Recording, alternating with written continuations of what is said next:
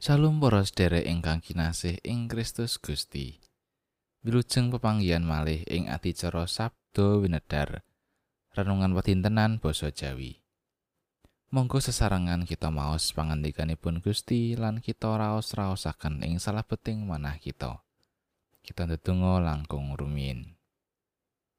Doalah Pangeran ingkang Maha Kuwaos. Gusti ingkang tansah kawula puji ing gesang kawula. Gusti ingkang tansah setya maringaken berkah dumateng kawula tiyang ingkang kebak ing dosa menika.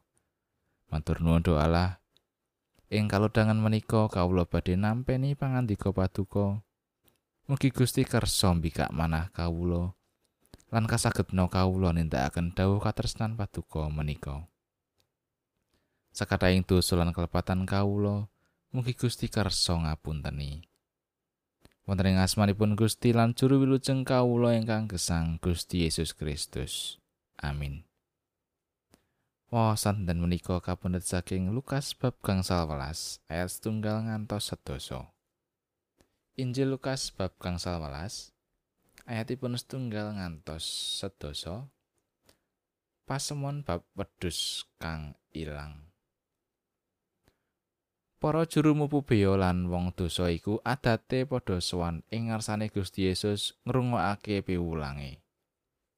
Wong Farisi lan para ahli Taurat satemah padha kedumelan pangucape. Wong iku kok nampani wong dosa lan mangan bebarengan.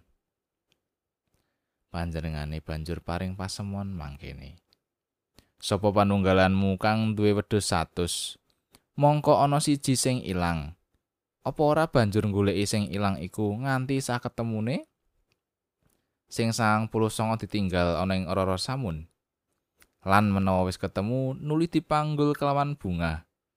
Sarta satekane ing omahe banjur ngundangi mitra-mitrane lan tangga teparone lan padha dikandani ayo padha bebarengan bunga-bunga karo aku sebab wedhusku sing ilang wis ketemu.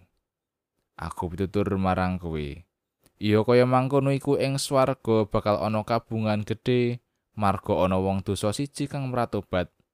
Ngluwi kabungan kang tumrap wong sang puluh songo kang ora usah mratobat. Utawa endi ana wong wadon duwe dhuwit dirham 10 mongko ilang siji. Kok ora banjur nyumet damar lan nyaponi omahe goleki jlimet nganti sak ketemune? Lan menawa wis ketemu banjur ngundangi mitra-mitrane lan tangga teparone sarta padha dicritani mangkene. Duitku dirham sing ilang wis ketemu. Ayo padha bungah-bungah bebarengan karo aku. Aku pitutur marang kowe. Semono uga para malaikat Gusti Allah bakal padha bungah-bungah. Jalaran ana wong dosa siji kang meratobat. Makaten pangandikanipun Gusti. Ayat nasinggih menika ayat tunggalan kalih. Para juru mupu beya lan wong dosa iku adate padha sowan ing ngarsane Gusti Yesus ngrungokake piwulange. Wong Farisi lan para ahli Taurat satemah padha kedumelan pangucape wong iku kok nampani wong dosa lan mangan bebarengan. Para sedherek renungan dinten menika kaparingan ira-iran prasangka. Mbok menawi kita badhe ngedumel, nebi lan raosan awon menawi mangertos wonten tiang ingkang dumawah dosa. Menapa kita badhe enggal nampeni menawi tiang dosa wau meratobat? Pranyata mboten gampil. Limrahipun tiang tansah mangu-mangu kalian pamratobatipun tiang dosa. Kirang pitados dumateng adrenging manahipun tiang ingkang meratobat. Perkawis ingkang sami dipun raosaken dening juru mpubiya lan tiang-tiang dosa ingkang dipun triyosaken wonten ing Lukas gangsal welas menika. Piyambakipun purun marek sowan ing ngarsanipun Gusti Yesus lan mirengaken dawuhipun. Tegesipun tiang-tiang menika nggadahi krentek kangge meratobat lan ngewahi gesangipun. Ananging, adrenging manahipun pranyata dipun encepi dening para ahli Taurat lan tiang-tiang Farisi ingkang estunipun langkung mangertos piwulang bab katresnan. Boten saos syukuran enggal nampeni tiang dosa, tiang-tiang menika malah ngedumel lan sengit dhateng Gusti Yesus. Wonten kalih pasemon ingkang dipun wucalaken Gusti Yesus nedahaken Dateng kita pilih Gusti Allah Sang Rama menika kersa madosi tiyang ingkang ketriwal lan ngraosaken kabingan nalika sampun pinanggih.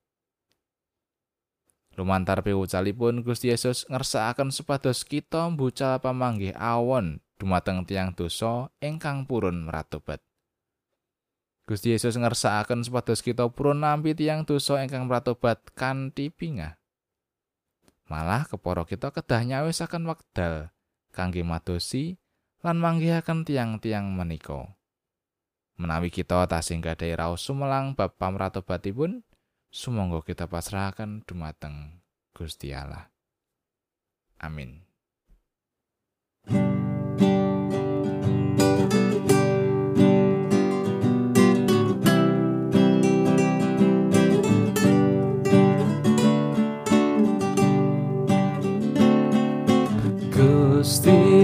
Yesus pangen setyo pindo parang santoso Satoyo ingkang pracaya dimen sami ngayomo Gustiku mokoso Yeku pangen kang setyo Gustiku mokoso